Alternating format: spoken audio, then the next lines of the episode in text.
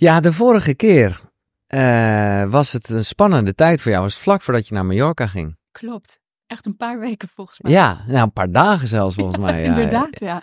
Dan was je Ja. helemaal eh, afscheid aan het nemen van spullen en dingen. En dan was het een grote stap. ja. We leven, nou ja, eh, de, het is, dus, wat is het, mei, juni 2021? Dat was die eerste opname, ons eerste Ja. gesprek. En hoe bevalt Mallorca? Ja, super. Ja, Super. Het is echt een heerlijke plek om te wonen. Eh, midden in de natuur wonen we, dus we hebben heel veel ruimte. Veel groen om ons heen, veel vrijheid. En dat zijn hele belangrijke waarden voor mij. Dus als het gaat over mijn hart volgen en in lijn leven, leiden met wat voor mij belangrijk is, waar ik me goed bij voel, dan eh, is dat zeker in vervulling gegaan. ja. De zon. En ik las, voor de duidelijkheid, even de introductie. Nou, het hart is al gevallen. Het is Tess Keizer, de koningin van het hart. Eh, hart. Nou, dit is echt trouwens fantastisch. Want ik eh, heb eventjes, vond ik dan toch even leuk om niet in herhaling te vallen, stukken van onze podcast terugbeluisterd. Aflevering 82, mensen, check hem dus. Eh, en daarin zeg jij al van, ik wil dat hard leadership. Dat is echt, daar wil ik wat mee. Dat wil ik groter maken. Nou ja, Ja, en, en hier eh, ligt voor mij het boek en heb jij een academy en dat is zo je koers geweest. Ja. Moedig leiden vanuit je hart. Ehm, maar oh ja, en dat las ik achter in je boek. Dat wilde ik nog even zeggen, dat viel mij op. Daar stond dus ook nog van, ik denk oké, ze maar nog steeds op Mallorca en dat zie ik ook wel op je socials. Maar ook Dubai. ja, En dat vond ik als het gaat over, ja, ik heb ook een soort haat-liefde met die plek. Maar als het gaat over hart, nou dan durf ik wel in ieder geval, ja, het voelt soms ook wel als een plek zonder ziel, toch? Of hoe, eh, hoe ervaar jij dat? Ja, absoluut. Dat ben ik met je eens. Ik heb misschien ook wel een beetje een haat-liefde verhouding soms met Dubai. En wij zijn daar ook veel in de winter. Ik ben daar net ook geweest. En tegelijkertijd is het ook een plek waar zoveel potentie is Hmm. en mogelijkheden. Ja, ja. En met name het perspectief dat mensen kiezen. Mensen kijken naar, hé, hey, wat kan er wel? Wat, wat kunnen we creëren met elkaar? Ja, ja, ja. En, en dat vind ik echt hartskwaliteiten. Ja. En dan is het natuurlijk ook een plek die enorm is gericht op ego en materie. Alleen stel je voor als die mensen die veel geld hebben, waardoor ze ook Ja, vaak veel macht hebben of veel mogelijkheden hebben, wanneer die gaan intunen met de wijsheid van hun hart en vanuit daar keuzes gaan maken. En voor mij zit daar van, oh ja, dat is hoe we verandering kunnen creëren met die mindset. En als dan die hartzet er ook nog bij komt, dan is er veel mogelijk. ja. Nou, het Ja. is er nu nog niet echt. Ik weet dat ik echt op zoek ging daarna, want ik was benieuwd. Ik dacht, dit is een wereldstad. Dus hier moeten ook, ja, het- ja in die wereldstad is alles.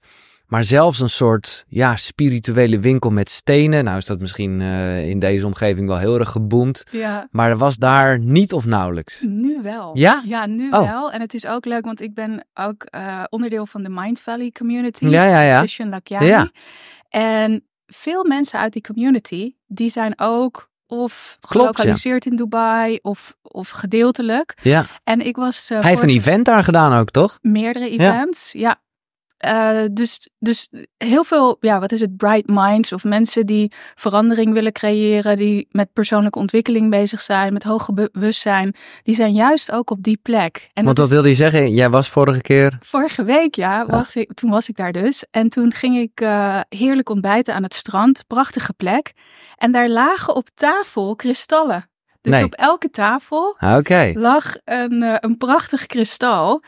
Ehm, en ze hadden ook hele mooie tekeningen van, ehm, ja, van vrouwen. In, een beetje eigenlijk oude wijsheden. Die tekeningen, oude tribes. Die stonden op de menukaart Ja. en eh, op verschillende plekken op tafel. En dus ook die kristallen. dus nu kun je ze zelfs vinden als je aan het dineren bent. Fantastisch. Of aan het Ik ontbijten. wil net zeggen, dat is wel het mooie. Zodra Dubai ermee aan de haal gaat, dan weet je dat het gelijk over de top gaat. En natuurlijk heb je gelijk, is het dan misschien een soort ego-ding. Maar ergens, nou we komen hier zeker nog op, ja, kan je dat ook gebruiken. Ja, en er Eh, zit dus potentie. En ja. voor mij is potentie, mogelijkheden, wat kan er wel?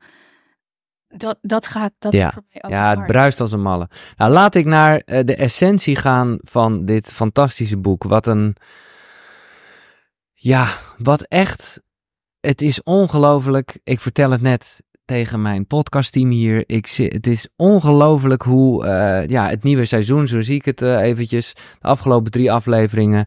Faya Laurens, Christine Bijnen en nu jij hier. Het is voor mezelf is dit een reis. Ik ben echt met deze onderwerpen heel erg bezig. Omdat ik nou ja, een soort nieuwe vorm met Koekeroe aan het vinden ben en, en, en de mensen erachter.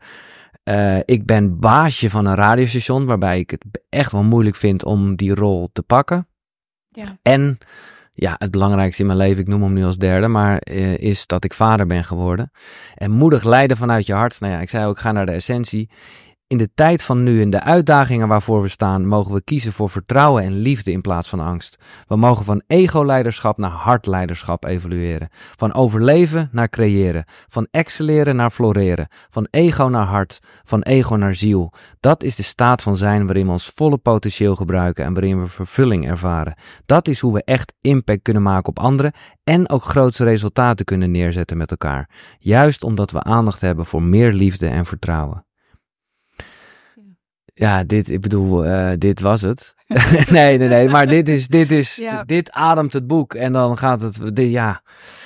Is dat iets wat jij altijd al gevoeld hebt? Ik denk het wel. Ik denk het wel. En tegelijkertijd ben ik ook onderdeel van deze wereld en leef ik op deze wereld. en Mm. worden we ergens ook zo geleerd om in beperkingen te denken? Of om te kijken naar wat er niet goed gaat Ja. op school of op allerlei andere plekken. Of oh, ben ik niet goed genoeg? En ik denk wel dat ik al op hele jonge leeftijd, ook door het voorbeeld dat ik van mijn ouders heb gehad, ehm, toch ja, al heel jong ben gaan kijken naar hey, wat kan er wel of wat zijn mogelijkheden. Ik woonde als kind in Afrika. Mijn ouders gingen daar in de jaren tachtig naartoe. Was een hele ongewone, oncomfortabele keuze. En daarin hebben, zijn zij dus ook echt een voorbeeld voor mij geweest van ja, volg je eigen hart, leef in lijn met jouw waarden. En dat kan dus ook oncomfortabel zijn. Ja. Dus dat heeft er denk ik altijd al in gezeten. En er zijn ook momenten in mijn leven dat ik daar heel ver weg van ben geweest. Zeker in mijn twintiger jaren, dat ik aan het zoeken was naar mijn identiteit, dat ik me heb verloren in sporten, in niet eten, in, eh, in heel veel werken, in heel veel feesten. Ja. En als ik nu kijk naar de afgelopen, nou ik ben nu 41, bijna 42, zeg de afgelopen 12 jaar, vanaf mijn dertigste, misschien net daarvoor, ben ik echt weer die, die weg terug ingeslagen, terug naar mijn hart. En wat wil ik? En tegelijkertijd dus ook, ja, wat wil ik de wereld inbrengen? En, En- toen kwam daar, we hebben het daar vorige keer ook kort over gehad, maar dit komt ook vaak in eh, nou ja, jouw reis in dit boek naar voren. Ehm, toen kwam er in 2018 een fietsongeluk, Ja, wat, nou ja, wat jou, eh, nou ja, heel veel heeft gebracht. ja, dat was het letterlijke Die smak geluk. heeft mij uiteindelijk heel veel gebracht. Ja, en dat is ook zo interessant, hè, dat we vaak, en ik denk dat mensen dit ook herkennen, dat je zo'n moment hebt in je leven. Voor mij was dat die val, maar dat kunnen ook andere momenten zijn die veel impact maken. En inderdaad, die val met die mountainbike, ja, dat is voor mij een moment geweest waar, waarop ik echt me realiseerde van, oh, ik mag het echt ook anders doen. Of er zit een andere wijsheid in mij. En het was ook het moment, een paar weken daarna, dat ik ja, echt een, die boodschap doorkreeg. Tess, it's your mission to bring more heart into the world. En dat ik me realiseerde, dat ik voelde, hè, dus het ging niet eens echt over realiseren hier, maar gewoon ervaren Ja. van ja, dit, dit is mijn ding. Ja. En toen kwam het eh, hartintelligentie op mijn pad. En ik was al bezig met leiderschap. En ik voelde wel van, oh ja, nu heb ik de sleutel. Want je was toen al wel met allemaal corporate bedrijven daar Ja. coaching aan het geven, Ja. zo? Ja, ja, Mijn achtergrond is psychologie en ik heb eh, eigenlijk van 2009, 2010 altijd training, coaching gegeven. Veel gewerkt met leiders in corporate omgevingen, maar denk ook aan ziekenhuizen, zorginstellingen. Leiders op allerlei verschillende plekken. Ja. En ehm, ja, ik voelde, ervaarde echt van, oh ja, dat hart, dat is de sleutel. En ik heb ook nu die wetenschap van hartintelligentie, wat de brug is om mensen te laten begrijpen, ah ja, hier kan ik wat mee. Ja. Hier, hier kan ik impact mee Ja. maken. Ja. Hoe, eh, de, de, je noemt het nu en het komt een paar keer terug. En ik ben hier heel erg mee bezig, dus eh, de- met, met juist of dit wel of niet belangrijk is. Jij vindt, jij vindt wetenschap wel echt belangrijk? Of juist niet? Ja of voel, nee. voel- ja, het lijkt alsof je in ieder geval wel de behoefte voelt. En je komt inderdaad vaak met HeartMath Instituut. Maar het is ook weer zo, dat vind ik altijd het lastige, zodra je dus heel wetenschap in de hand grijpt als hé, hey, het is wetenschappelijk bewezen.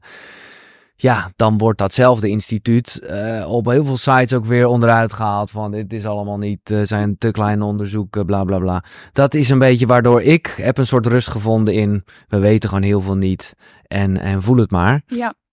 Maar ja, dat is inderdaad het controversiële aan wetenschappelijk onderzoek. Je kan daar heel lang over ja. discussiëren of het wel of niet valide is, betrouwbaar en noem maar op.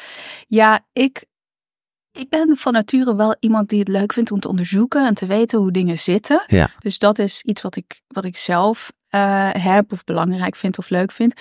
Tegelijkertijd geloof ik ook heel erg in de ervaring. Hè? Ja. Dat je dus iets ervaart en dan weet van, ja, dit is gewoon zo. Ja. No doubt, Ja. wetenschappelijk onderzoek of niet. Nee. Ik, ik ervaar het. En dat is misschien ook wel waar in essentie hartewijsheid over gaat. Dat we op een heel diep niveau exact. weten, Ja, exact. dit is het. Ja. Wel merk ik dat in mijn werk en de mensen met wie ik werk en ook de wereld waarin wij geconditioneerd zijn, dat we gewoon heel veel vanuit ons hoofd leven. Ja. Een wandelend hoofd zijn geworden. Ehm, en dat dus juist weten van, oh, er is dus onderzoek naar gedaan. Hey, Is ook lekker zo. om het. Ja. Want ons ratio-brein die wil het ook begrijpen. En, en daar geloof ik, daarnaast geloof ik ook dat wanneer we het begrijpen met dat rationele brein, dat de impact nog groter kan zijn van hetgeen wat we doen. Dus als je bijvoorbeeld die hartcoherentieoefening doet, als je heel bewust intuned met je hart voordat je iets belangrijks gaat doen, of gewoon omdat je lekker wil ontspannen, ja, je kan het dus nog krachtiger inzetten. Juist door dat, door dat bewustzijn ook. Laat ik even wat wetenschappelijke dingen noemen dan. Dat is toch wel lekker. Wetenschappelijk onderzoek heeft aangetoond dat er een constante informatieuitwisseling is tussen het hart en het brein. Twee kanten op. Het hart eh, zendt meer informatie naar het brein dan het brein naar het hart. Het hart zendt signalen uit naar het brein die worden gebruikt om keuzes te maken. Dus eigenlijk is het hart is de baas. Ja. Ja, en dit is zo bijzonder, want Ja, dat vind ik heel in bijzonder. de westerse wereld hebben wij eigenlijk altijd gedacht dat het brein de master was. Ja, Natuurlijk is het brein ook nog steeds een supermaster. ja, Eh, alleen is het hart daar wel heel leidend in. En ook als je weer terugkijkt naar oude wijsheden, die hebben dat altijd al geloofd, dat het hart het centrum is. En ja, die hadden niet die wetenschap, die Nee, wisten dat gewoon. gewoon.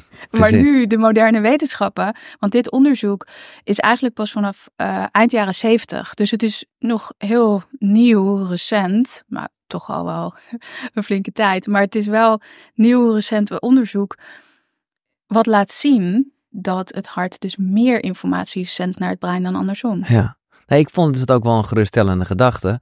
Kijk, het is. Ja, ja, omdat het er wel. Het wordt vaak zo als twee werelden gezien. Hè? Heel duaal natuurlijk van hoofd en hart.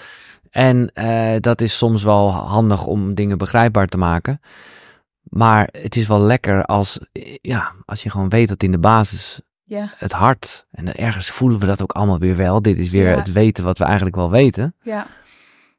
Ja, en mooi dat je dat zegt, want het is ook niet hart en brein alsof die apart zijn. Nee. Wat er juist gebeurt ook wanneer je intuned met je hart en die hartcoherentie creëert, is dat je hart en je brein met elkaar harmoniseren. Ze worden veel meer één. Ze, ja, het is als een liefdevolle dans eigenlijk samen. En dat maakt dat we veel krachtiger zijn. Dat we kunnen intunen met een diepe wijsheid, met intuïtie, met een heel helder weten. Ja. Intuïtie. Een, een, een eh, terugkerend thema in deze gesprekken, omdat ik het iets fascinerends vind. En jij kijkt dat natuurlijk door je hartenogen. Eh dus ho- hoe verhoudt het hart zich tot de intuïtie? Het hart is de deur naar de intuïtie, zou je kunnen zeggen. Dus op het moment dat we ingetuned zijn met ons hart, dan kunnen we die intuïtie ontvangen. Intuïtie komt als het ware naar ons toe. Het is een korte hint van informatie. Ja, En het heeft ermee te maken dat ons hart heeft een hartmagnetisch veld, hart-elektromagnetisch veld, het meest krachtige veld van al onze lichaamsdelen. Of van wat we de hele dag aan het uitzenden zijn in de cirkel om zijn. 24/7 Ja. kunnen we niet stoppen. Nee. En tegelijkertijd zijn er natuurlijk ook allerlei energievelden om ons heen. En dat energieveld van het, ehm, het hart, het hartmagnetisch veld, vangt informatie op voordat het daadwerkelijk is gebeurd. door trillingen. Eh, Ook dat is wetenschappelijk bewezen. Ja. Ja, ja, dus voor mensen die nu denken... Nee, nou, ja, het is een maar ik, vaag, eh, maar ik uiteindelijk ja, ja. is daar dus, eh, dus die wetenschap die dat nu inderdaad laat zien. En dan weer terug naar die oude wijsheden. Bijvoorbeeld, ik zag een hele mooie documentaire een keer... ehm Inside heet die, over intuïtie. Mhm. En dat bijvoorbeeld vissers in Polynesië op het strand stonden en opeens wisten: hé, hey, we moeten nu die kant uitvaren met onze kano. En dan was daar een school vissen. ja, ja, ja. En die Daar gingen ze volledig op. En Vet. dat is intuïtieve intelligentie. Dat, dat die informatie dus bij hun komt. Die vissen daar in, in, in die, op die specifieke breedtegraad zwemmen. Nou, en, en daarom vind ik het leuk dat we net ook even de connectie tussen, tussen hart en brein hebben gelegd. Omdat intelligentie natuurlijk ook een optelsom is van gewoon dingen die je nou eenmaal al geleerd hebt door ervaringen. Ja. Dus het is niet alleen maar één grote spirituele lijn met het onbekende of met het universum, zo je wilt. Het is ook gewoon, en dat zal bij die vissers net zo zijn, ook gewoon ervaring. Want we hebben een keer eerder gevaren en toen was de golven ook. Weet je, en dat is. Ja, en de zon staat zo. Ja. Of dit, of, ja. En, daar, en dat vind ik het mooie, want eh, de- daarom vind ik het echt vet dat dat brein gewoon erin meegaat. Omdat, ja, dan, dan wordt intuïtie voor mij ook steeds duidelijker. Want dat is de optelsom van al die dingen. Ja. En daar zit ook, en dat is natuurlijk het mooie, ook iets onverklaarbaars in. Maar ook heel veel, ja, dan kan het, als, je, als je heel erg, eh, nou ja... nou, bijna te geaard bent, dan zou je kunnen zeggen: ja, intuïtie is gewoon niet anders dan eh, dat je dingen hebt geleerd. Maar het is, het, nou, het is de optelsom. Ja, ja, en er zit dus iets heel magisch aan en wat, wat niet tastbaar is voor Ja. ons. En dat vinden we soms moeilijk om dat te begrijpen met ons hoofd. Maar mijn vraag is vaak, en die was in aflevering 82 nog niet ontstaan, maar dus ik kan hem nu aan jou stellen. Hoe train je intuïtie? Hoe train je intuïtie? Ja, Want ik geloof dat je alles kan trainen, eh, de- of het nou spieren is of. Nee. Ja. Dus intuïtie zou je toch ook moeten kunnen trainen? ja, absoluut. En wat ik zou zeggen is dan die hartcoherentie oefeningen doen. Dus je hart in coherentie brengen. En wat is dat? Dan breng je jezelf in een staat van zijn waar je hartritme een harmonie- harmonieus ritme heeft. Dus tussen de hartslagen in zit een harmonieus ritme. In die hartcoherente staat, dan zijn we in een staat van hartintelligentie, kunnen we die flow ervaren, harmoniseren ons hart en brein met elkaar. En dat is waar we die, ja, die intuïtieve intelligentie kunnen ontvangen. Op het moment dat je gehaast bent, eh, druk bent, of je misschien onzeker voelt, of gefrustreerd, of je zorgen maakt over van alles wat er in de wereld speelt of in je eigen leven speelt, dan raken we zo in ons hoofd, zitten we zo in die survival, en dan kan die informatie niet naar je toe komen. Eigenlijk zou je kunnen zien dat je hart dan veel meer gesloten is. En dat noemen we ook incoherentie. Je hart is incoherent. Er is een rommelig ritme tussen de hartslagen in. En dan sta je gewoon veel minder open voor, je, voor intuïtie. Ja. Dus Maar- dat kan je trainen om jezelf steeds in die staat van zijn te brengen. Maar wat ik hier een beetje verwarrend aan vind, ik weet niet of wij het erover gehad hebben, maar. En dus dat is een beetje Mhm. een definitieding. Is dat ik ook begrepen heb dat het juist heel gezond is als je hartslag. eh, hoe zeg je dat? Omhoog gaat? Nou ja, dat daar, eh, dat daar verschillen in zit. Ja, Hè, dus dat is dat, dat, dat juist, we denken heel erg tik, tik, tik, tik, tik, tik, of nou ja, of dat gaat wel heel snel, maar. En dat het juist heel gezond is als die variabiliteit hoog is. hoog is. Ja. ja, maar dit vind ik verwarrend in mijn hoofd, want dan is het dus juist, zit er dus geen. Ja, nee, die, dat, die, dat harmonieuze ritme gaat erom dat er meer variabiliteit is in het hartritme. En dat betekent dat er meer energie in het hart is, Ja, waardoor je ook meer energie voelt, waardoor je verkrachtiger bent. Die signalen worden naar je brein gestuurd en dan gaat je brein ook dat heldere gedeelte ge- gebruiken. Dus het hoger gedeelte van het brein gaat aan. ja, Je schiet niet in survival. En op het moment dat er weinig energie in het hart is, dan is dat, ja, als je dan kijkt naar die eh, HRV, heart rate variability, is het meer rommelig en lager. Dus Ja. als je zo'n eh, eh, sportief horloge hebt waar je de. HRV op kan meten en het is heel laag, dan zegt het minder coherentie. Ja, maar, maar, oké, dus. maar er zit inderdaad ook in de, in de woordgebruik, ja. daar, zit, lijkt daar een, ehm, een, eh, een paradox in te zitten. ja, want coherent, of hartcoherentie wil dus niet zeggen dat je hart gelijkmatig, of wel? Ehm, nee, er zit een hogere variabiliteit Ja. tussen die hartslagen. Ja, dus die en dat maakt het harmonieus. Ja, En op het moment dat er minder energie in zit, dan wordt het meer rommelig. En dat kan je dan ook zien op, eh, op, eh, op hartfilmpjes Ja. van, van die heart rate variability. ja. Oké, nog één keer, want dit wil ik voor eens en voor altijd duidelijk hebben. Want ik, dus, als je gewoon even boem boem, boem boem. Hè, dus zoals je hart gaat. Ja. Als het goed is, zit daar niet zoveel regelmaat in. ja, dus daar zit een variabiliteit in. Ja. Zeg maar een soort van lekker Dus het is ritme. boem boem, al wel een soort ritme. Ja, wat harmonieus klinkt. Ja. En als het boem, boem, boem, boem, boem, boem, boem, boem is, dus dan is het Ja. meer messy, meer Oh, dat is juist dus niet goed. En dat is niet goed. Oh, ik dacht dat dat juist dus wel goed was, omdat die variabiliteit dan heel hoog was. Ehm, ja, dat, dat, dat heeft ermee te maken dat de ho- hoeveelheid energie die in het hart aanwezig is. Ja, ja. Ja. Want ik weet ook nog van recent even een kleine echo en zo, dat je denkt, "Poh, want die gaan, hè, bij baby's gaat die natuurlijk als een malle. Ja. Eh, dat het juist ook goed was als daar een beetje, eh, Een variabiliteit Ja. in zit. Ja, dan is die dus hoger. ja, Ja, dus een als je ook zo'n horloge hebt, hoe hoger, hoe beter ja, dat cijfer is. ja, Wel is het zo dat het per persoon verschilt. Dus als wij gewoon onze heart eh, rate variability met elkaar gaan vergelijken, ja, dan kunnen we daar niet super veel over zeggen, omdat het ook te maken heeft met je e- eigen baseline. ja, ja, ja. Als je dit echt wilt meten, als je daar super geïnteresseerd in bent, dan kun je wel bij HeartMath Institute op de website. Zij maken echt speciale apparaatjes. Die doe je aan je oor.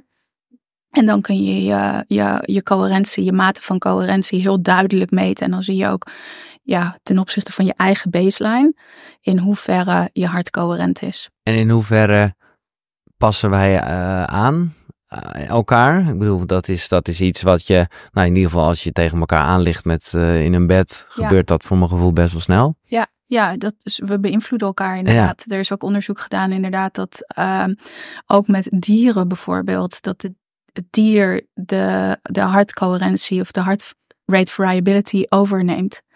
Ja, en dat is ook, hè, want jij noemde al dat hartmagnetisch veld wat zo om ons heen Mhm. is.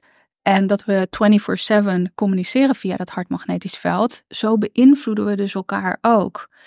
Ehm, en dat is mooi om je daar ook bewust van te zijn. Dat je weet dat met wat jij genereert, jouw staat van zijn, je onherroepelijk effect hebt op de ander. Ja. Bewust of onbewust.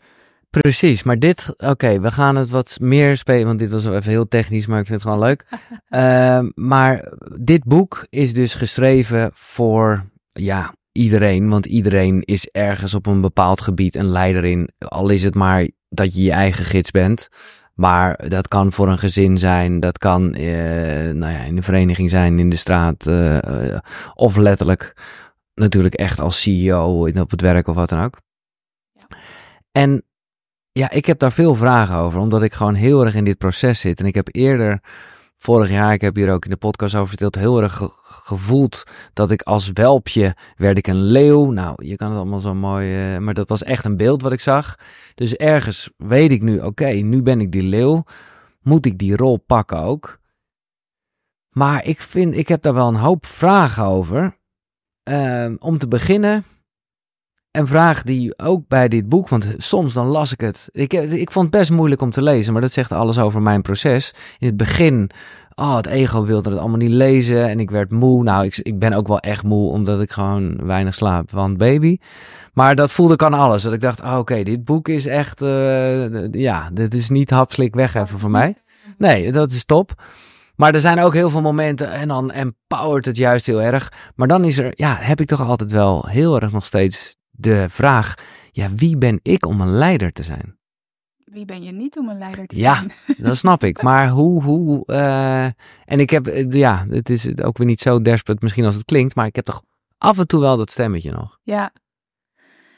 Ja, dat, dat is denk ik ook een, een mooi stemmetje of een stemmetje om te erkennen van dat, dat er dus ook een, ehm, een onzekerheid is Ja. of een hey, doe ik het wel goed? Hoe kan ik het het beste doen of hoe kan ik het meest impact maken? Want het kan ook gaan over, ja, wat voor impact heb ik eigenlijk? Hè? Ben, ben ik nou de juiste persoon om anderen te leiden? Ehm, en daarin denk ik ook dat wanneer je dus contact maakt met je hart, dat daar uiteindelijk zoveel vertrouwen zit, Mhm. liefde, moed. En die laatste, moed, die is heel belangrijk. Om ook echt van dat welpje naar mooie visualisatie, die Mhm. leeuw te kunnen zijn. En die, die moed te kunnen voelen en te kunnen ervaren om jezelf te laten zien als leider. En tegelijkertijd vind ik het ook mooi dat je dit benoemt, want er zit ook een kwetsbaarheid in. En ik denk dat we die allemaal hebben. Ja. Leiders, Ja. mensen Ja, ook mensen op hele hoge posities. Ehm, die ook die onzekerheid hebben. En op het moment dat je dat erkent voor jezelf, op het moment dat je daar eerlijk over bent ten opzichte van jezelf of mensen dicht om je heen, of misschien ook wel mensen in je team, ja, ja, ja. opent dat juist zo het gesprek, het opent zo de relatie, het opent zo Ja. jouzelf ook voor. Ja. ja, wie ben ik om een leider te zijn? En dat zou ook een mooi gesprek zijn om met elkaar te voeren. Want als je dat met iemand bespreekt in jouw team eh, of dicht om jou heen, Mhm. die kunnen je denk ik hele mooie antwoorden geven. Waar, wat zij zien in jou, of waarom ze je willen volgen, of wat ze Ja, boeiend aan jou vinden of inspirerend aan jou vinden. ja. Nee, maar dat is precies het gedeelte wat mij heel eh, aanspreekt, wat ik ook heel erg voel. Die, die, die, die, die visionair, het inspireren. En met de radio ben ik daar eh, druk mee. Maar ik merk ook hè, dat, dat eh, ik ook best wel de neiging heb om dan toch even weer uit verbinding te gaan en helemaal niet zo in te checken bij hun. Omdat ik, ja, kijk, als we het net hebben over de, al die, mag, die, die, die velden die iedereen eh, heeft. Ja. Ja, dat heeft dus wel invloed. Dus als iemand daar op de werkvloer even ja, niet zo lekker iets eh, uitstuurt, ja, god man, dan, dan moet ik dus diegene overroelen. Of nou, dat is een beetje gek gezegd, maar met mijn positieve, hogere frequentie-energie moet ik dat dan maar even wegblazen. Of hoe, hoe zie je dat? Nou, ik denk wel dat het mooi is als je dus merkt van hé, hey, iemand doet iets waar ik niet helemaal tevreden mee ben of wat ik anders zou willen. Dat dat ook weer een mooie opening is om daar met elkaar gewoon over in gesprek te gaan. Van, Ja. hey, eh, wat vinden we belangrijk? Wat Ja. zijn onze waarden? Wat willen we uitdragen? En hoe past deze e-mail of wat het ook is, hoe past dat daarbij? En ik schrijf over het hard leiderschapmodel en die bestaat eigenlijk uit drie rollen Ja. die je allemaal kan vervullen. Die je alle drie moet vervullen eigenlijk. Die alle drie, ja, eigenlijk Toch? danst door die rollen Ja. heen. En dat is de hartleider van binnen. En dat gaat echt over jou. Dat hè. is de essentie, dat zelfliefde moet. Ja. ja. En dat is ook denk ik de taak die we hebben om daar elke keer weer mee terug te verbinden. Ja, dat is de motor, dat is Ja. de essentie. Ja. En ik geloof ook dat, hè, dat schrijf ik ook over, self-leadership is de sleutel. Zelfleiderschap is de sleutel tot een krachtige leider zijn. Dat je Ja. reflecteert op jezelf, dat je bezig bent met, hey, hoe kan ik die liefde voor mezelf genereren? En tegelijkertijd ook die moedige keuzes maken, ehm, buiten mijn comfortzone gaan. Het heeft ook, dat is ook echt een combinatie eigenlijk van een hele feminine, zachte, compassievolle energie. En tegelijkertijd ook die daadkracht. Ja. En die, ja, die, die voorwaartse beweging van hé, hey, ik ga het doen. Dus dat is de hartleider van binnen. Tegelijkertijd is daar de hartleider als visionair. Dus dat is de leider die richting geeft, die de visie uitspreekt, die zichzelf echt laat zien, die op de voorgrond stapt. Altijd in connectie. Want Ja. Dat is een hele belangrijke. Anders Echt mensen meenemen in jouw ja, visie. ja, en dat je en- eigenlijk ook echt blijft kijken van, oh, wat gebeurt er bij jullie? In, in connectie blijven. En wat je wel veel ziet gebeuren, en dat is eigenlijk ook wel weer een vorm van ego-leiderschap. Dus Ja, mensen die, die stormen als het ware vooruit. Misschien wel vanuit de beste intentie. Van, Ja. Oh, maar dit is mijn visie en dit is wat ik de wereld in wil brengen. Alleen wanneer je uit connectie raakt, ja, dan is de kans minder groot of gewoon klein ja, dat mensen met je meegaan. Dus dat is een heel belangrijk aspect daarvan. ja. Nee, ja, en dan komen we straks nog op de derde. Maar ik wil eerst nog eventjes naar deze, de, de, want Ja. dat is eigenlijk de hartleider van buiten. Ja. Eh, waarbij je dus mensen meeneemt. Maar inderdaad, ja, het is wat ik gewoon moeilijk eraan vind, is dat je gewoon denkt, ja, tuurlijk wil je mensen wel uitleggen van tevoren wat je bedoelt en wat je visie is.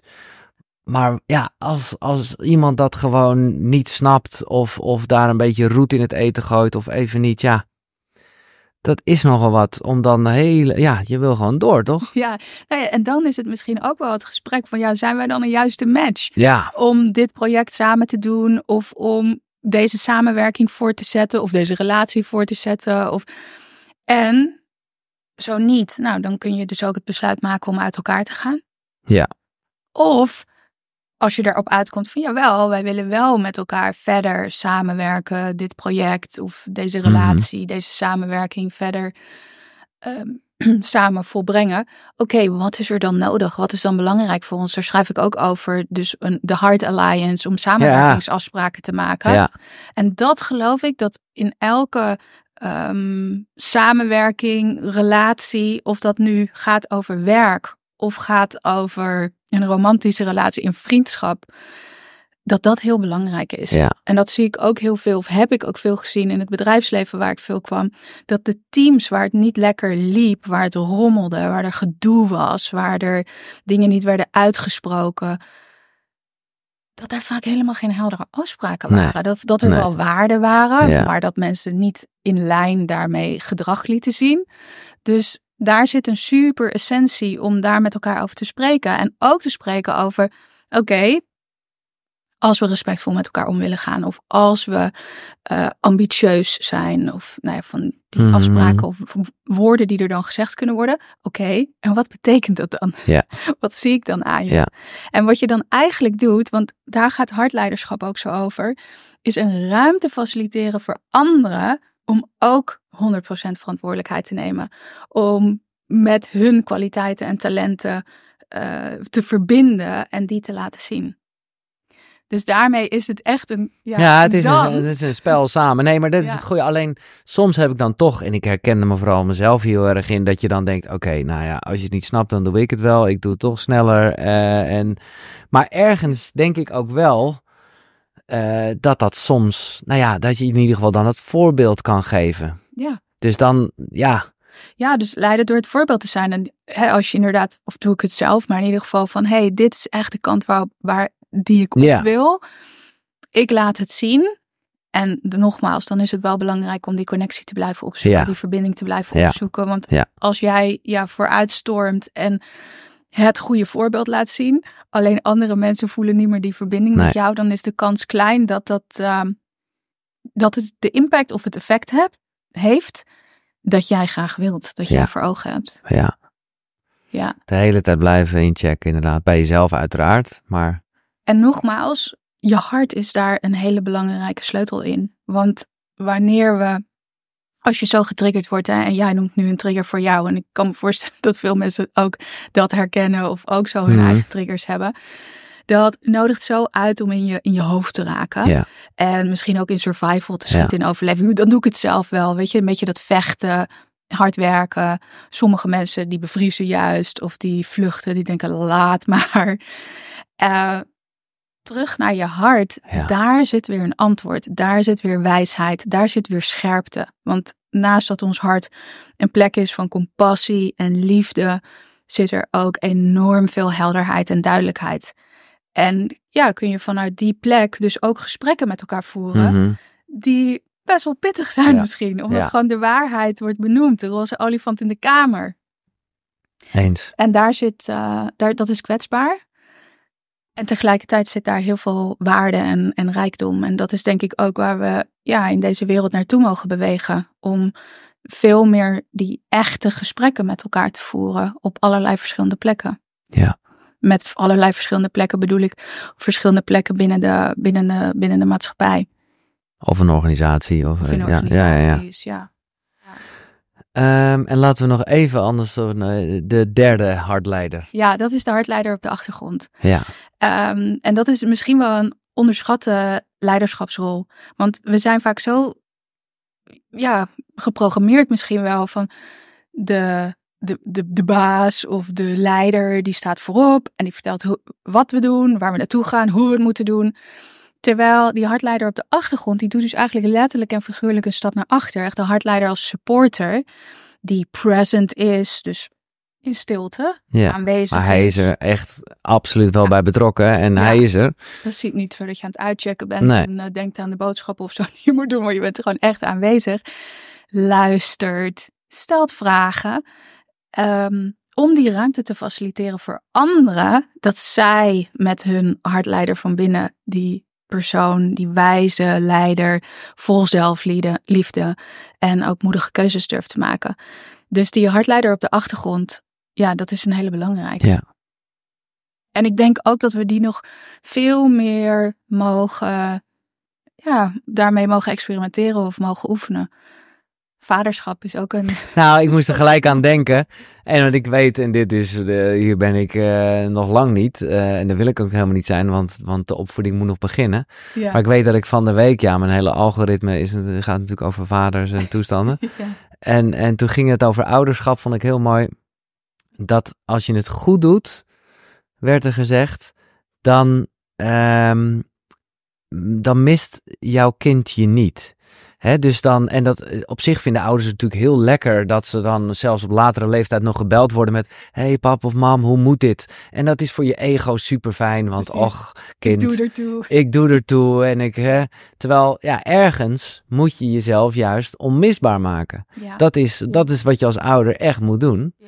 Dat vond ik een hele grappige, of grappig, ik had er gewoon nooit zo over nagedacht. Ik dacht van wauw, dat is Ja. het streven, hè? dat je gewoon onmisbaar bent. En dat je kind wel jouw aanwezigheid Tuurlijk, altijd die voelt. veilige, ja. Die veiligheid. Ja, en ja, ja, ja. dat is natuurlijk zo'n prachtig fundament om jezelf uit te kunnen ontwikkelen. Eh, en veel mensen, of een heel aantal mensen die het boek hebben gelezen, die bracht het veel inzichten. En met name dus ook een aantal mensen die zeiden: Oh wauw, ik zie veel duidelijker hoe ik mijn rol als ouder wil Mhm. pakken. Vooral ten opzichte van wat oudere kinderen. Dus Ja, pubere oké. kinderen of volwassene kinderen. Van oh ja, ik mag veel meer die hartleider op de achtergrond zijn. Zodat zij hun eigen leven kunnen, kunnen vormgeven. Maar goed, in eerste instantie altijd van binnen. Nogmaals, dat is, eh, Ja. dat is de essentie. Maar, eh, nou ja, in mijn rol als vaderschap eh, zal ik vooral natuurlijk heel erg die van buiten zijn. Waarbij ik toch het voorbeeld geef. Ja, Blijf inchecken, meenemen. Ja. Ja. Ehm, ik heb één quote opgeschreven. Ik moet zeggen, ja, ik ben gewoon niet zo goed in Engels. Dus soms eh, vond ik er best wel veel Engels in staan. Maar ik heb hem vertaald en ik voelde wel aan alles, dit is een hele goeie. Dit gaat over de hartleider juist op de voorgrond.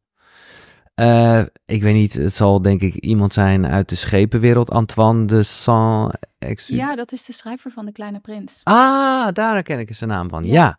Ja. Dus, ik heb hem in het Nederlands. Als je een schip wilt bouwen, trommel dan niet mannen op om hout te verzamelen, het werk te verdelen en bestellingen te geven.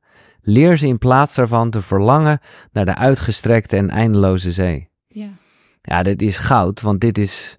Nou Mooi, ja, ja, dit vind ik heel mooi. Dit is voor waar ik nu sta met de radio, was dit een hele goeie. Omdat ik natuurlijk ook even technisch gezien le- letterlijk mensen moet uitleggen hoe bepaalde dingen werken. Maar ik moet ze gewoon juist die stip uit, die ik in mijn hoofd heb, Ja. in mijn hart eigenlijk. ja. Ehm, en dit is wel, ik, ik moest daar net al aan denken, dat ik dacht, ja, maar juist omdat ik het zo belangrijk vind, vind ik het soms dus wel eh, moeilijk om mensen erin mee te nemen. Omdat ik, omdat ik gewoon denk, ja, ik kan, ik, dit, dit heb ik alleen in mijn hoofd. Dus Ja. Ja. Eh, dat is ook een beetje ego, toch? dat is fucking ego. ja, Ja, ja, maar mooi dat je deze quote aanhaalt. Ik vind hem ook de eerste keer dat ik hem hoorde, resoneerde die zo bij Ja. mij. En dacht ik, oh ja, dit is waar het over gaat. Die stip op de horizon. En er zit natuurlijk ook zo het hart in. Want verlangen, dat is echt, ja, Ja. dat, dat resoneert hier van, oh wauw, dat is inderdaad waar ik naartoe wil. Met jou. En Ja. dat is de taak dus, ja, als leider geloof ik, dat je dat, dat, je dat kunt ehm, genereren of creëren bij mensen. En dat vraagt iets van jou. En dat Mhm. vraagt ook het, het overkomen van je eigen ego. ja, En voortdurend ook bezig zijn met: oké, het gaat over mij. En wat is de impact op het groter geheel? Of wat heeft het groter geheel nodig? Ja. Wat, wat mag ik doen? Welke verantwoordelijkheid mag ik pakken om die positieve impact te hebben op het groter geheel? En wat heb ik daarvoor in te zetten? Want dan komt het weer terug bij jou. Jij bent zelf het instrument. En in hoeverre denk jij eh, dat je het ego echt zo voor je kan laten werken? Dus dat je ego het heel fijn vindt dat je gewoon de hele tijd naar je hart luistert? Kan dat? Is dat een soort utopische uh, gedachte? Misschien is dat wel utopisch. En ik wil het ego ook absoluut niet slecht maken. Nee. Want ik geloof dat het een hele belangrijke functie heeft om je veilig te houden. Het beste met je voor heeft. En dat het hele belangrijke signalen aan je kan geven. Om je op scherp te zetten. Mhm. Of om te merken van, oh hey, dit triggert me. Het is eigenlijk ook vaak een deur naar een mooie ontdekkingstocht wat er in jou leeft. Ehm, en tegelijkertijd denk ik dus ook als je dus echt naar je hart gaat luisteren. Want ja, daar zit zoveel potentie. Daar zit zoveel mogelijkheden. Dat het ego dan denkt, Ja. weet je het zeker? Ja, ja, ja bijna Ga overweldigen. je dat echt doen? Ja, Uh, en dat houdt je dan weer even op scherp. Dus of ze echt helemaal in lijn komen met elkaar. Ik denk dat, nee. Ja, het is het- ook dat spel misschien. ja. Ja, en dat is ook niet erg. Dat is ook niet slecht. Nee. Nee, maar dat vond ik soms, of vind ik soms, het moeilijke eraan. Dat. Kijk, je, je, in, in jouw boek nogmaals, het, het, het werkt heel erg lekker. Zeker zo, eh, naarmate je het einde van het boek, dan weet je echt even van ja, hier ga ik voor staan, dit ga ik zijn. Er zitten ook hele mooie opdrachten in waarbij je dat visualiseert en dan even voelt en contact maakt met de hartleider in jezelf. Alleen, ja, er gaan toch ook weer momenten komen dat je, nou ja, dat het ego weer even wint, Ja. om het zo maar te zeggen. Ja, en het leven gebeurt. Ja, Ja. Dingen worden Ja. getriggerd.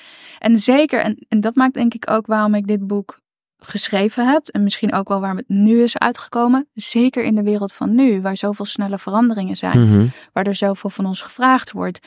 Waar ehm, we zoveel onzekerheid hebben over de toekomst. Crisissen die er zijn, waar we mee te maken hebben. Oorlog over de wereld, wat je enorm kan raken. De opkomst van kunstmatige intelligentie, wat onzekerheid brengt. Dus we worden zo getriggerd door wat er om ons heen gebeurt, om in ons hoofd te raken. Dat ja, die, die weg naar het hart zo belangrijk Ja. is. Want Maar hoe, hoe ga je daarmee om? Want ik kan daar dan heel erg, eh, nou, best wel van slag raken als ik dan toch weer even, nou ja, keuzes heb gemaakt, dingen heb gezegd of dingen heb gedaan. Eh, nou ja, niet in mijn rol als hartleider zal ik maar zeggen, maar het ego was weer aan, aan de gang. Ja, eigenlijk is mijn basisreflex misschien dan toch juist nog meer uit verbinding gaan, omdat ik gewoon denk, ja, dit heb ik verkloot. Eh, hoe, hoe, ja, hoe schakel je weer terug? Ja, door dat, door, ja, natuurlijk ook door daar eerlijk in te zijn. Ja, en door toch, denk ik, op het moment dat je de neiging hebt om ergens van weg te bewegen, wat heel goed uitlegbaar is, Mhm. Wat je kan begrijpen ook voor jezelf, om dan toch juist die beweging eh, wel daar naartoe te maken. Dus misschien dat gesprek te voeren. Ja, ja, te ja. zeggen van, hé, hey, ik heb dit zo en zo aangepakt. Als ik daar nu op terugkijk, zie ik dat het niet handig was. Of zou ik dat anders doen? Ja, ja, ja. Ik denk, Ja. want ik heb alleen opgeschreven als aantekening mezelf in een noodrop. En ik, ik denk dat het heel erg over gaat. Oh ja, dat gaat nog een beetje over, nou ja. Hier staat, veel van de leiders met wie ik werk hebben sterke resonantie met waarden als verantwoordelijkheid en onafhankelijkheid. Dat is vaak de reden waarom ze zo krachtig zijn in het volgen van hun eigen pad. Ze dagen die eh, status quo uit en willen ze doen de vrijheid voor zichzelf creëren. De valkuil is dat er bij hen vaak een diep gewortelde overtuiging zit dat je sterk moet zijn en het alleen moet doen. En dat het dus lastig is om hulp vragen. Ja.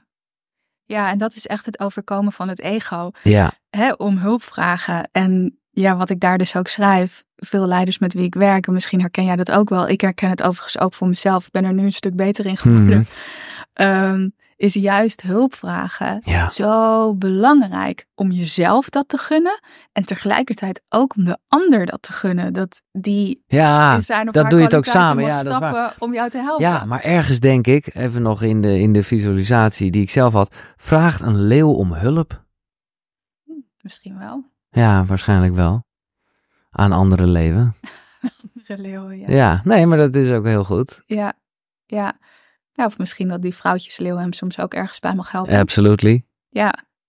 Ja, het is wel mooi eigenlijk om eens te onderzoeken van in het dierenrijk van hoe, ehm, hoe dieren elkaar helpen of supporten. Ja, ik moet nu wel denken aan bomen, wat ik zo mooi vind. Hè? Dat bomen ook elkaar helpen. Dat als er, Eén grote, eh, ja. als er een boom eh, minder goed gaat, dan, dan sturen de andere bomen extra energie of voeding naar die boom toe. Dus die boom die, is daar, die dat ontvangt, die is daar ook ontvankelijk voor. En daar zit denk ik wel iets heel belangrijks. Dat we, ja, dat we meer ontvankelijk ook zijn om, om hulp te krijgen dan wel het te vragen.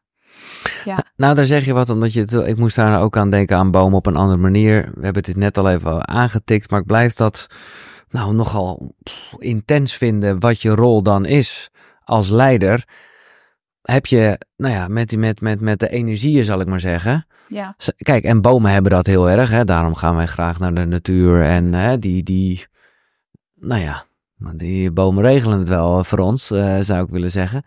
Maar ja, het is toch zo moeilijk om niet van slag te zijn, om, om, om als leider eigenlijk die boom te zijn. En, en, en rust te geven aan alles en iedereen die onzeker is over zijn of haar presteren, of hij het wel goed doet, eh, met zichzelf bezig is. Ja. Ik vind dat, ik vind het nogal wat. Ja, dat, dat is denk ik ook inderdaad een, een, een grote of een belangrijke taak, die best wel eens ook een verantwoordelijkheid op je schouders kan voelen. En tegelijkertijd, het gaat ook zo over, als je ook die kwetsbaarheid laat zien, of ook eens aangeeft van, ja, weet je, ik weet het ook niet precies. Ik ben er wel voor je. Ja. En ik wil het hier wel graag met je over hebben, alleen ik heb nu ook geen antwoord. Dat geeft tegelijkertijd ook heel veel veiligheid en vertrouwen. Want op het moment dat jij zegt, of je blijft voordoen dat je alle antwoorden Ja, hebt, precies. maar tegelijkertijd is er onzekerheid, ja, dan is dat niet in lijn. Hebben we het dan weer over het hartmagnetisch veld en wat je uitstraalt? Mensen voelen dat. Misschien herken jij dat ook wel. Situaties. Dat je, waar je in hebt gezeten en mensen spreken iets uit en dat je niet echt kan Nee. de vinger erop kan leggen. nee, het is maar niet tastbaar, het maar dat je denkt, niet. Nee. "Hmm." Ja.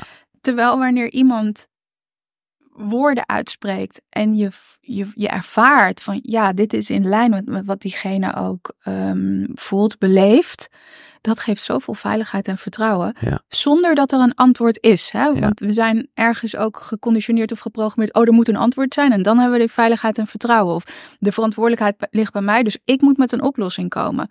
Terwijl ja, als die oplossing er dus nog niet is. En dat durven uitspreken. Ja. Echt een hartskwaliteit. Telling one's truth. Je waarheid spreken. Oh. En dan, als het gaat over dat veld, is er rust of kalmte. Ja. In de onzekerheid misschien. Ja, ja, ja. Maar dat is wel waaruit Ja. weer kan ontstaan en waaruit je weer verder kan over mooi. evolueren. Ik moet ook, om nog even de boomvergelijking door te trekken. Nee, maar omdat ik ineens denk, ja, dat is natuurlijk een, een boom doet ook niet van, och, ik sta hier stevig en ik sta, want dan waait hij zeker om. Ja, ik Dus- hier dus Ja, ja. Dus wees ook gewoon, ja, ik, ik doe ook gewoon wat goed voelt. ja. Ja. Eh, ja, dus er zit echt, ook echt een ontspanning in. Ja. En dan komen we ook weer terug op die intuïtieve intelligentie. Dan komen we ook weer terug over, op die staat van zijn. Ben je in die staat van ontspanning? Ben je in die hartcoherente staat? Dan ga je het hoge gedeelte van je brein gebruiken. Je oplossend vermogen is on fire. Je gaat creatiever denken. Je bent veerkrachtiger. Die intuïtie kan naar je toe komen.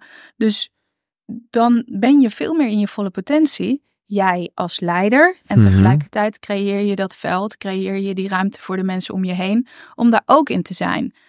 En dat is waar we evolueren en waar we floreren. In plaats van accelereren, waar ik het ook over had. Wat Ja. veel meer, waar daar zit veel meer ego in. Van, oh, dan ben ik beter als iemand anders. Ja. Of hè, ja, Ja. accelereren. Terwijl, komen thuis weer op die boom. Floreren gaat, Flora. gaat over eh, ja, zoveel organischere ja, manier van groei. met elkaar zijn en met elkaar groeien. Ja, Nou, en dit vind ik echt tof eh, hoe jij dat omschrijft. Omdat ik daar zelf. Nou, ik heb hier ook wel eens in eerdere gesprekken vragen over gesteld. En jij geeft daar op een mooie manier woorden aan. Maar ik kwam een beetje dat ik dacht, ja, is het dan nooit eh, goed genoeg? Eh, maar hier staat ook, een hardleader staat nooit stil. Hij is gefocust op impact maken en resultaat boeken. Vooruitgang en evolutie zijn grote drijfveren die worden aangestuurd door purpose en visie. Ehm, dus eigenlijk is het, ja, dat is gewoon wat groei is. Dus dat is, dat is, ja, het klinkt altijd zo negatief om te zeggen dat het dan nooit goed genoeg is. Snap je wat ik bedoel? Ja, ik denk dat het er een mooier perspectief is dat het nooit stilstaat. Nee, En het dat- is al goed. Het is eigenlijk wel, al- dus dat klopt. En dat het, dat, er, dat het altijd Ja, doorgaat.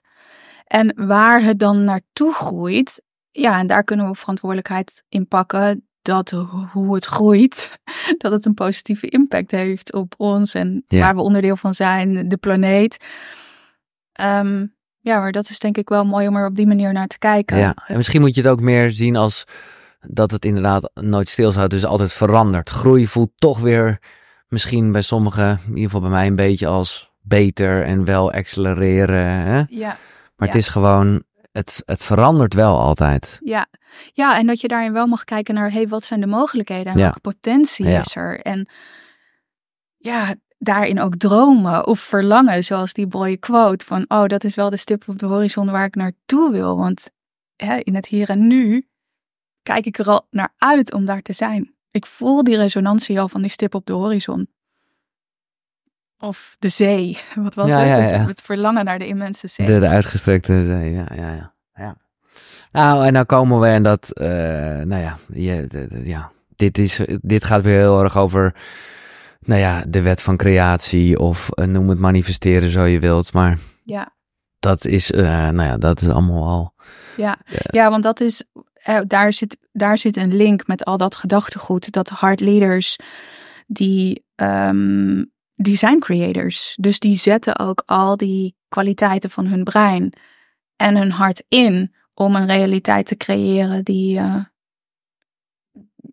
ja, die, die ons allemaal iets brengt. ja. Jouzelf en zeker ook het groter geheel.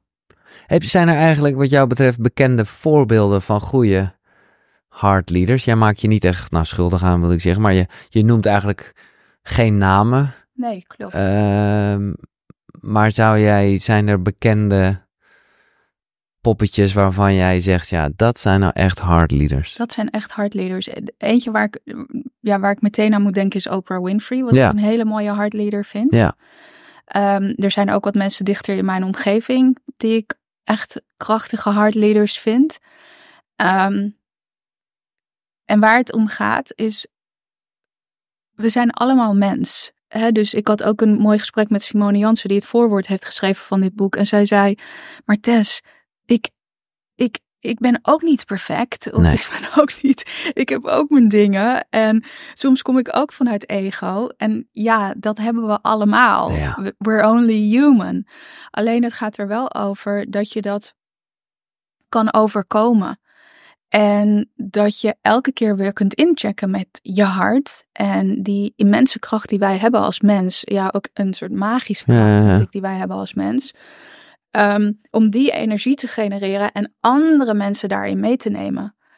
En ja, dus dat is ook wel mooi voor als je aan het luisteren bent. Van ja, wat is een hardleader in, in, je- in jouw omgeving? Wie is iemand die jij kent? Ik had mijn boeklancering en ehm, ik heb het eerste boek aan mijn vader gegeven. Mooi. En toen, ja, dat was een heel mooi moment, emotioneel moment ook. En toen besefte ik me ook dat mijn vader is bijvoorbeeld iemand die, die ook als het leven tegenzit, heeft hij een ongelooflijke kracht om toch veerkrachtig te zijn en daarmee om te gaan, toch potentie en mogelijkheden te zien. En ja, toen ik daarmee bezig was en dat voorbereiden, was ik, oh ja, wauw, daar zie ik ook zo van die hardleader eigenschappen. Ehm, dus dat is ook mooi, denk ik, om te kijken naar mensen om je heen. Van, hé, hey, wie heeft die eigenschappen? En Ja, ik vind wat kan leuk. ik ook doen om dat Ja. nog meer in hun te, ja, aan te raken? Maar dat mag dus ook, en daarom vind ik het wel leuk dat je Oprah Winfrey noemt, die daar ook gewoon heel eerlijk in is geweest, of nog steeds is, eh, dat je dus niet perfect hoeft te zijn. Nee. En Nou, dit is ongelooflijk. wat sla je open? Nou, ik heb het gewoon niet gelezen. Ik sla, nou, ik sla hem open en ik zie hier een quote van Oprah Winfrey staan. Don't look to be perfect, seek to be whole. En ik, ik wilde namelijk naar zelfliefde toe, eh, omdat ik gewoon, eh, dus dat, nou ja, dat je dus Nou, ook, ja, dat is crazy. Eh, dat je, dat je, ja, dus zelfliefde is volledig accepteren wie je bent, ook dus met je zwakke kanten. Ja, Of- ook of met je- je rafelrandjes. Ja. Ook met Ja. ja. al die eigenschappen waar je misschien iets van vindt van jezelf. En ja, ik vind die quote heel mooi. Fantastisch. Prachtige synchroniciteit dat, dat je dat boek openslaat. We hebben het over Oprah. En deze staat er ook nog. Ehm, Seek to be whole. Ja, dat gaat dus over die heelheid. Ja. Zien en ervaren naar jezelf toe. Met alles wat je bent. Ja. En op het moment hè, dat je vanuit die energie komt. Ja, wat voor voorbeeld ben je dan voor anderen? Want dan mag een ander ook heel zijn in zijn of haar Met imperfecties of wat dan ook. Ja, nee, ja, ja, perfectly imperfect. Ja. Ehm, Ja. En, en ik geloof ook, ja, jij noemde zelfliefde, dat dat dus zelfliefde in essentie is. Ja. En don't look to be perfect. En in die ego-driven wereld waarin we leven, eh, met social media, eh, wat ook heel veel mooie dingen heeft, maar tegelijkertijd dat jezelf vergelijken, verwachtingen die misschien je ouders nog hebben, of andere verwachtingen die zijn gecreëerd, cijfers, allerlei dingen die buiten onszelf liggen. Dat, dat kan zo de neiging treren om maar perfect te willen zijn. Ja, en tegelijkertijd het nooit goed genoeg te doen. Ja. Dus ja, als het dan gaat ook weer over de hartleider van binnen, dan zit daar een hele belangrijke rol voor onszelf om, eh, om die heelheid te mogen, te mogen voelen. Dus ik denk de grootste gift die je jezelf kan geven. En tegelijkertijd ook de mensen om je heen. Ja, dat Want het is walking your talk. Dat stuur je dan weer uit. Ja, ja, ja, ja, ja. En dat vind ik trouwens ook een belangrijke. Jij vroeg inspirerende heartleaders. Eh, walking your talk is, vind ik, een hele belangrijke. Dus iemand leidt door het voorbeeld te zijn. Doet wat hij zegt. Mhm. En er wordt soms zoveel gezegd, alleen Ja. dat je het niet voelt. Ja. En dan klinkt het heel mooi in woorden. Alleen dan denk je, huh, alleen ik zie hele andere daden. Ja. Of Ja. ik heb een hele andere ervaring. ja. So maar- walking your talk. Ja. Nou, dat is vooral, ja, maar, maar ergens kan het dus wel degelijk zijn dat, je, dat ook diegene eh, zijn valkuilen heeft. Of, eh, maar dus ja, zodra, ja, Ja. het is ook niet zo. Ja, en als je daar dus eerlijk en Ja, oprecht over exact, bent. exact, Brené exact. Brown heeft daar ook Ja. mooie dingen over geschreven als het gaat over de kracht van kwetsbaarheid. Ja. En hoe je, daar, ja, hoe je je kwetsbare kant laat zien. Die zo ja, kwetsbaar voelt en tegelijkertijd zo menselijk is. Mhm. Je, je, eh, ja, je- het gaat over het hart. Het brein wordt nog eens een keer helemaal heel fijn eh, uitgelegd eh, Ja. hè, hoe dat werkt. En, en, en, en de verschillende staten, dingen die allemaal wel in andere Koekeroe-afleveringen zijn besproken. Maar complimenten voor de helderheid van, van die dingen. Eh, ja, en dan heb je het inderdaad over, nou ja, wat de, de, je zegt de tijgers van tegenwoordig. Hè, dus dat zijn, eh, nou ja, eh, wat we niet meer hebben zijn natuurlijk de echte tijgers. Dus die flight, fight, eh, freeze hoeft niet meer. Ehm, hoe eh, ga jij zelf om met de telefoon in dit kader? Die noem je niet. Het gaat over een volle agenda, werkdagen. eh, Die had er nog nou ja, het, nou ja, het moeilijke vind ik, is dan, dan maak je er gelijk een gevaar van. Terwijl, nou ja, je zegt het net om het social media, het heeft ook iets moois. Maar Ja. het is wel, poeh, eh, het kan je zo ook naar beneden trekken. En misschien zelfs als je wel lekker in de game zit, Ja, eh, maar je, je, je, je, ineens ben je verdro- verdronken in, in, nou ja, in social media op een manier waarbij, ja, helemaal in de ego-vibe. ik heb ook mijn tijgers. Ja, nee, precies, ja. En social media speelt daar sowieso een Ja. rol ook in. En eh, toevallig had ik vanmorgen nog een gesprek met mijn vader. Of eigenlijk mijn vader sprak mij aan, want ik logeer nu bij, bij Mhm. hem thuis. Ehm, mijn vader sprak mij aan. Het is de week waarin mijn boek lanceert. En ik krijg allemaal berichten via Instagram. Ja, Er kwamen interviews uit met mij. Ja. Nou, dat, tuurlijk doe dat ja. ook iets met mijn ego. ja oké, heel goed, mooi, ja. Ehm, en hij zei tegen mij: Tess, je bent zo gefocust. Ik kan bijna niets meer, bijna niet meer over iets anders met jou praten. En je zit nu alweer in je telefoon. En dat was voor mij ook een moment. En ook dankjewel voor hem dat hij mij daarop aansprak of dat zo benoemde. Van, oh ja, shit. Ik, ik ga nu inderdaad, ik, jij noemde dat zo mooi, ik verdrink nu in die, in die telefoon en allerlei berichten die ik krijg en afspraken die ik nog heb. En, en ik ben niet present Nee. in dit moment. Nee. Wij zitten te ontbijten. Eh, en we drinken lekker een koffietje. Ik ben alleen helemaal niet echt aanwezig. Uh, dus ja, dat heb ik ook. En zeker de telefoon en wat er van me gevraagd kan worden, uh, kan daar een rol in spelen. En dat bewustzijn. En ook dus mensen om je heen hebben die je daarop durven aanspreken of die dat durven benoemen Ja. en daarvoor openstaan. Ja. Is een hele belangrijke. Ik merkte dat ik vanmorgen in eerste instantie schoot ik in de verdediging. ik werd getriggerd, ik schoot in de verdediging. En toen dacht ik, ja, je hebt gelijk. Ehm, en dat is denk ik dan ook hard leadership. Om die trigger is er. Ja. schiet in de verdediging. En vervolgens, oké, hey, even terug. Ja, je hebt gelijk. Hoe wil ik hierin zijn? Am I walking my talk? Ja, ja, ja, nee, op dit moment niet. Uh, dus ik wil het op een andere manier doen. Dus uiteindelijk was dat ook een mooi gesprek. En als ik echt wel even zo voelde van... Um, omdat het wel bewustzijn creëerde bij mij van... hé, hey, maar dit is, dit is... Ik wil op een andere manier zijn. Nou is dit ook een, een, een extreme situatie met de lancering van een boek en het feit dat je gewoon ook niet in je eigen omgeving bent. Hoe, uh, hoe doe jij dat normaliter, laat ik het zo maar zeggen? Of is het altijd wel een tijger? Nou, ik denk dat het wel altijd wel een aanwezige tijger is, ja. ja. Omdat uh, de manier hoe ik werk en ja, met Instagram en... Ja, het is ook gewoon jouw dan ding, ja, dat, dan, ja, dan is dat best wel aanwezig. Ja. En vraagt dat veel van mij um, om, ja, om daar andere keuzes in te maken. Ook omdat het zo verslavend kan zijn, ja. de, de telefoon. Um, maar ook uh, voor mij is ook opstaan belangrijk. Dat die routine daarin uh, in vinden. Ik ben nu zwanger. En ik ben in de eerste trimester best wel uitgedaagd. Fysiek uitgedaagd. Qua misselijkheid Qua en dingen. Oké, okay, ja, ja. Ja, toen merkte ik ook echt van... Oh, nu zijn die routines super belangrijk voor mij. En tegelijkertijd intunen met wat heeft mijn lichaam nodig. Ja. En dat zijn voor mij wel, um, ja, soms valkuilen. Ik, ik wil soms heel snel gaan. Ja. en dan neem ik te weinig rust. En door die zwangerschap merkte ik dat heel erg. Want dan kwam die misselijkheid op of spugen. Dus ik, ja, ik had meteen feedback, hele duidelijke feedback van oké, okay, pas op de plaats. Ja. Slow down to speed ja, up. Ja, ja, Echt vertragen. Nee, dit herken ik heel erg. Ik, ik weet niet of ik dit nou al vertelde, maar vond ik zo mooi. Dus wij gingen naar de prenatal, want Floor had best wel soms in ieder geval een hele harde buik. Ja. Dus heb je dan wel banden voor en zo, dat het...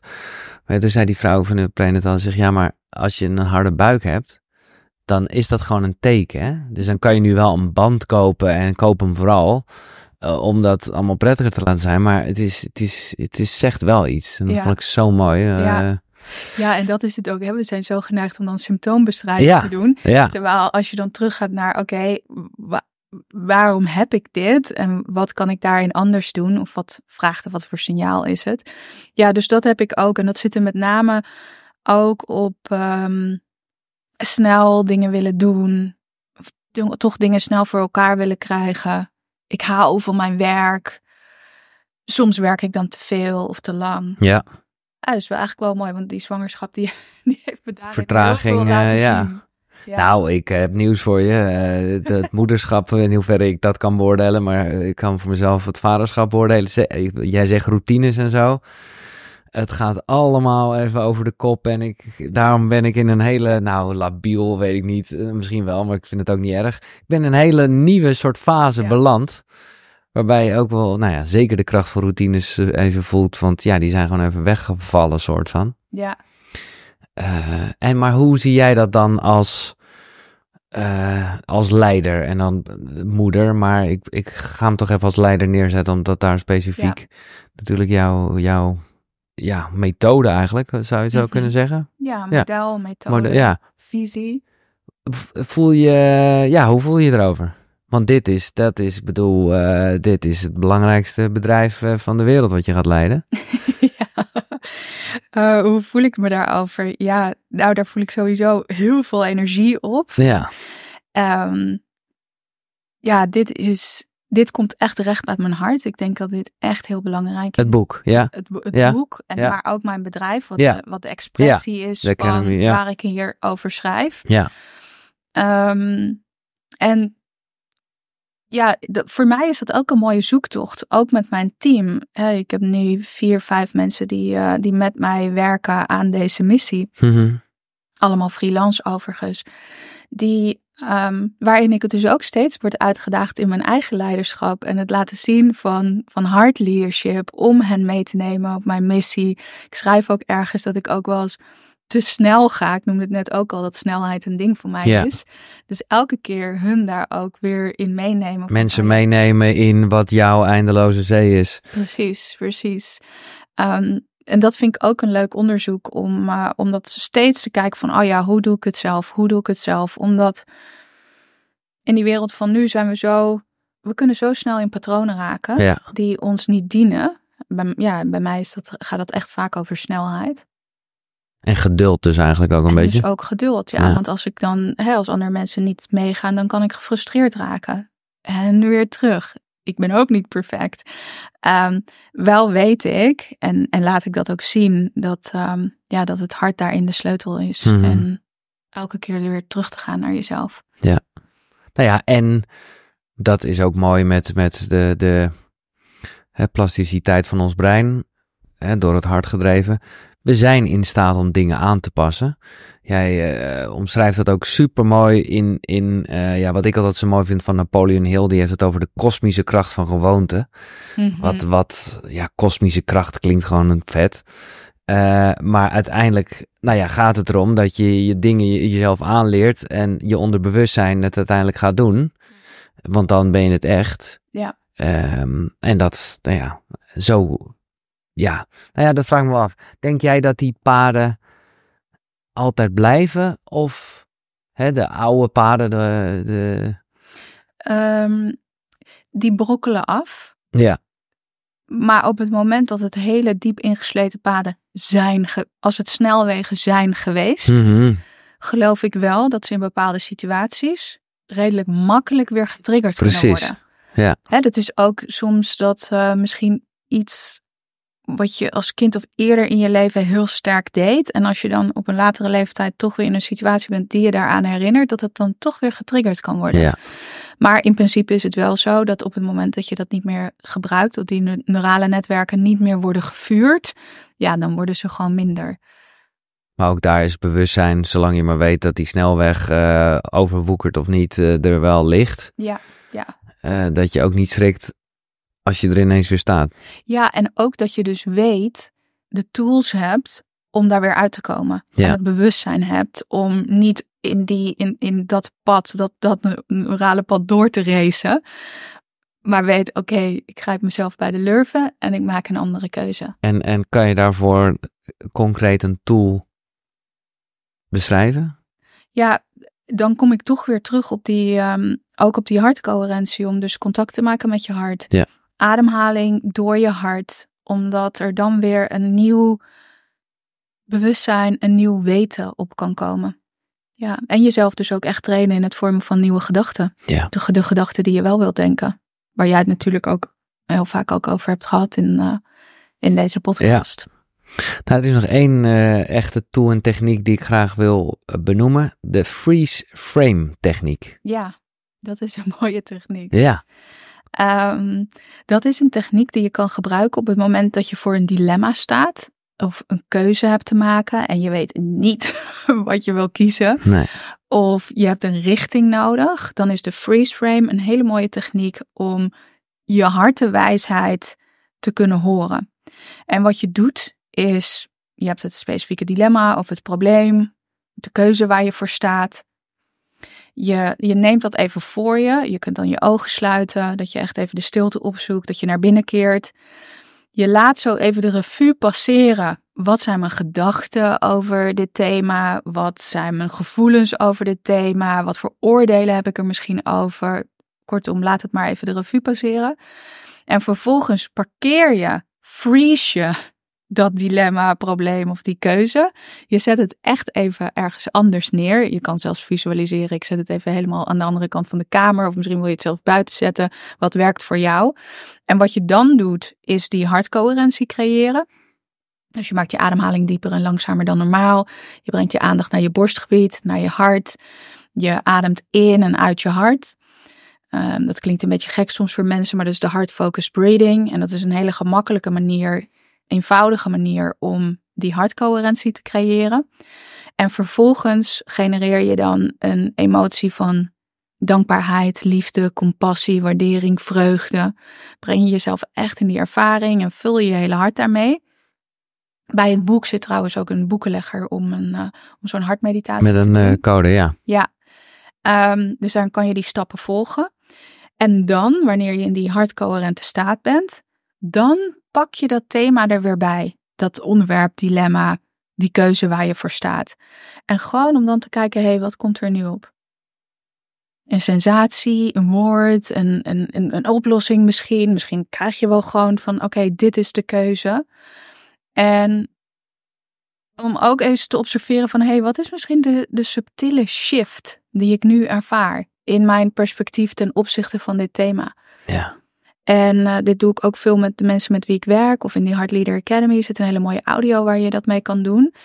En het geeft heel veel inzichten. Omdat je ineens toch met een andere blik naar hetzelfde probleem of dilemma kijkt Ja. waar je helemaal in was Een vastgelopen. andere staat van zijn. Ja.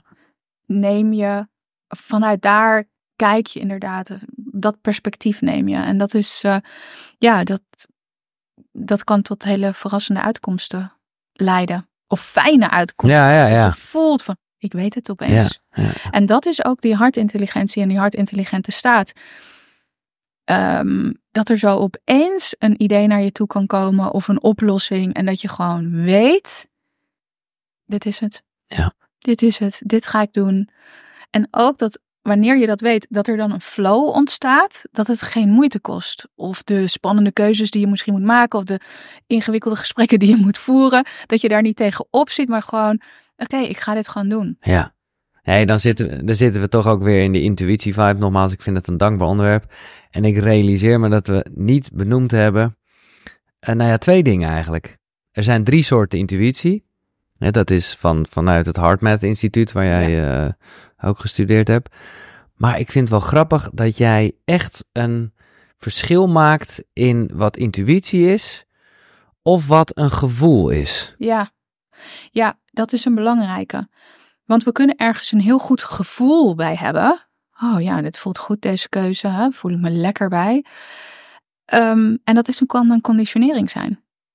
Het voelt lekker omdat je dat heel goed kent. En dat is ook waarom sommige mensen heel lang eigenlijk in hele ongemakkelijke situaties blijven. Een ongemakkelijke relatie, een samenwerking die niet werkt, een baan die eigenlijk helemaal geen fit is.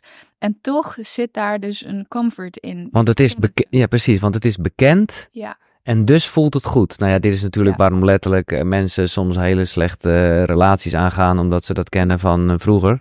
En, en dat blijven herhalen. Maar ook, weet je, een chocoladereep is ook heel lekker. En Ja. een heel lekker gevoel geven. Ja, Intuïtie is een korte hint van informatie. ja, En die kan ook heel ongemakkelijk zijn.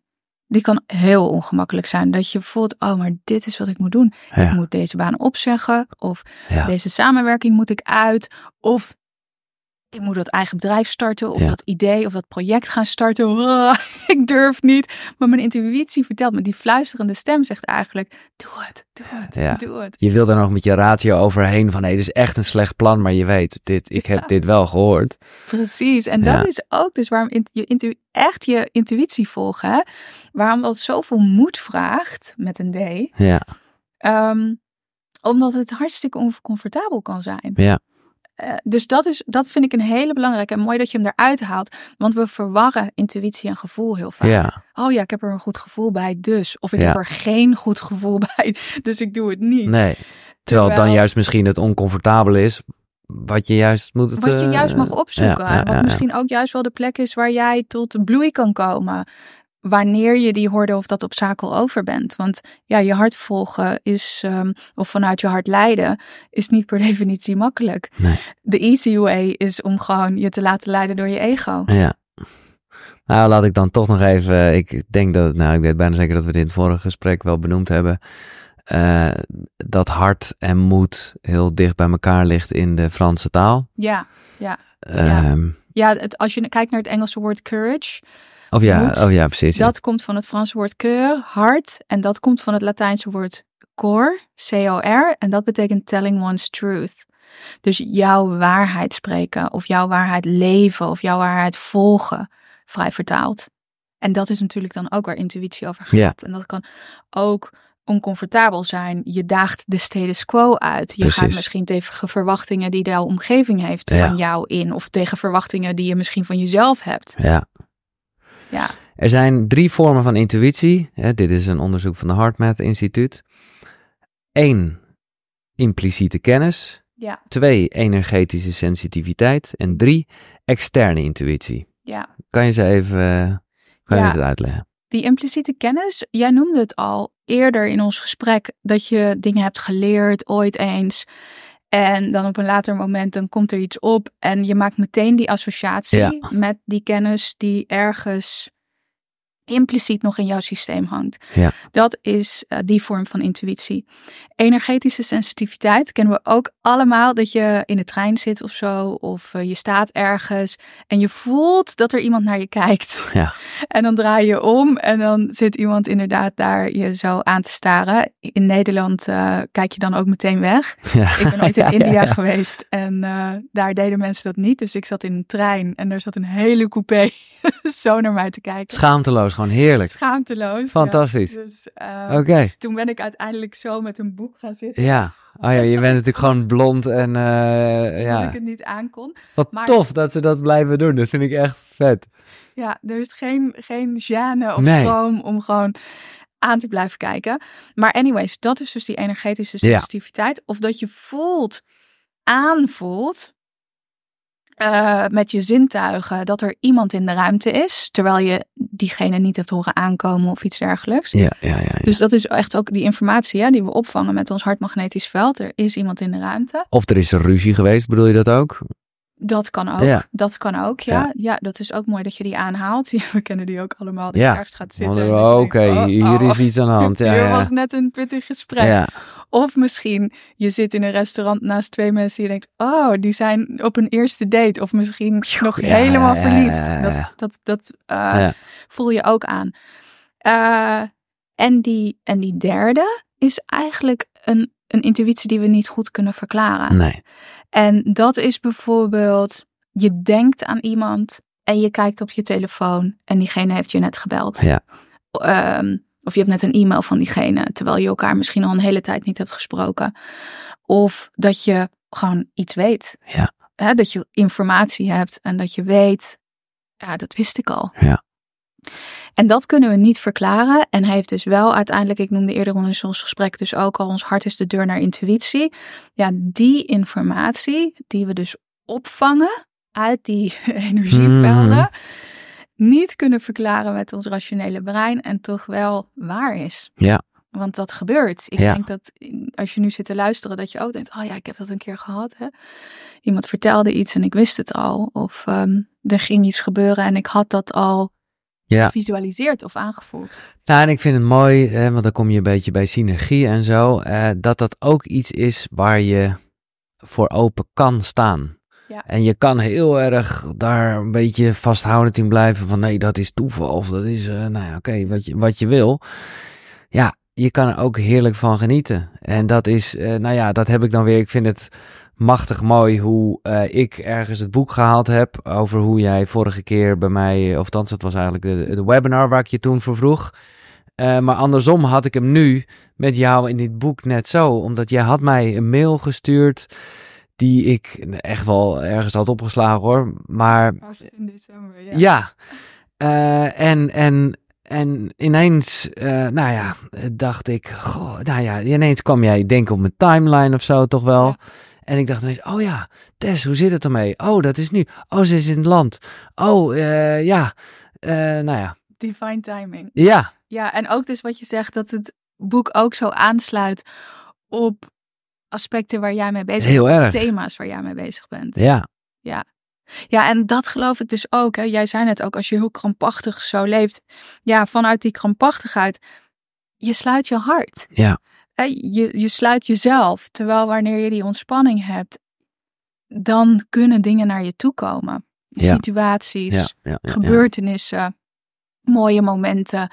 En ook inzichten, creativiteit, toffe ideeën. ja, ja, dan, dan stroomt het. Ja. Ik heb jou niet gevraagd, want dat had ik vorige keer al, wat drie boeken zijn geweest die uh, inspiratie zijn voor jou. Nou, The Power of the Heart kwam je toen mee. Presence Process vond ik heel tof dat je die noemde. En uh, Becoming Supernatural. Ja. Uh, je hebt nu uiteraard een bronnenlijst en een boekenlijst. Ja. Daar staat, zit ik nu te kijken, er staan andere boeken van Jodie Spencer toevallig. Ja. Zou jij voor mij uh, toch, dan kan ik even snel naar het toilet ook. en dan, maar we gaan even een stopje. Maar zou je voor mij drie boeken willen uitzoeken die, die je vandaag zou willen inbrengen? Ja. Oké. Okay. Welk boek wil je noemen? Um, het boek wat ik wil noemen, die staat hier ook als eerste in het lijstje, is Resilience from the Heart van uh, Greg Braden. Mm -hmm. En wat hij heel mooi beschrijft, wat ik zo mooi vind en wat wij ook wel benoemd hebben in onze post, uh, in dit podcastgesprek, is de oude wijsheden. En hoe, hoe die hartewijsheid en die hartintelligentie, die veerkracht van het hart, eigenlijk ons terug verbindt met wijsheid die we al heel lang hebben. En iemand schreef ook van de week over mijn boek van, ja, eigenlijk beschrijf je ook heel veel dingen die ik onbewust al ja, wist of zo. Ja, ja, En toen zei ik ook, ja, dat is het precies. Het verbindt je met een wijsheid Met een essentie. Die we al wisten. Ja, ja, ja, ja. die we al weten. En het mag, ja, het mag je daar weer mee verbinden. Ja. Eh, dus dat vind ik heel mooi aan dat boek van, eh, van Greg Braden, Resilience from the Heart. En is het niet, want ik heb een keer eerder van die, maar dat was ook in het Engels nogmaals, ik ben daar niet ook eh, zo goed in. En volgens mij was het niet dit boek, maar dat was echt wel technisch gezien machtig interessant, maar wel dat ik dacht, wow, oké, Ja, nou dat is een beetje mijn ding dan ook misschien. Dat, dat, vind jij juist helemaal te gek. Ja, nee, oké. Nee, ja, leuk. Ja. Ja. Eh, ja, want er zit best wel dat technische, eh, technische aspect in, inderdaad. En dat is misschien ook, hè, jij zei ook van, van wow, het is wel een, eh, nou, het is een boekje, hè, maar het is wel, het is, het is niet dat je het heel gemakkelijk leest, dit boek.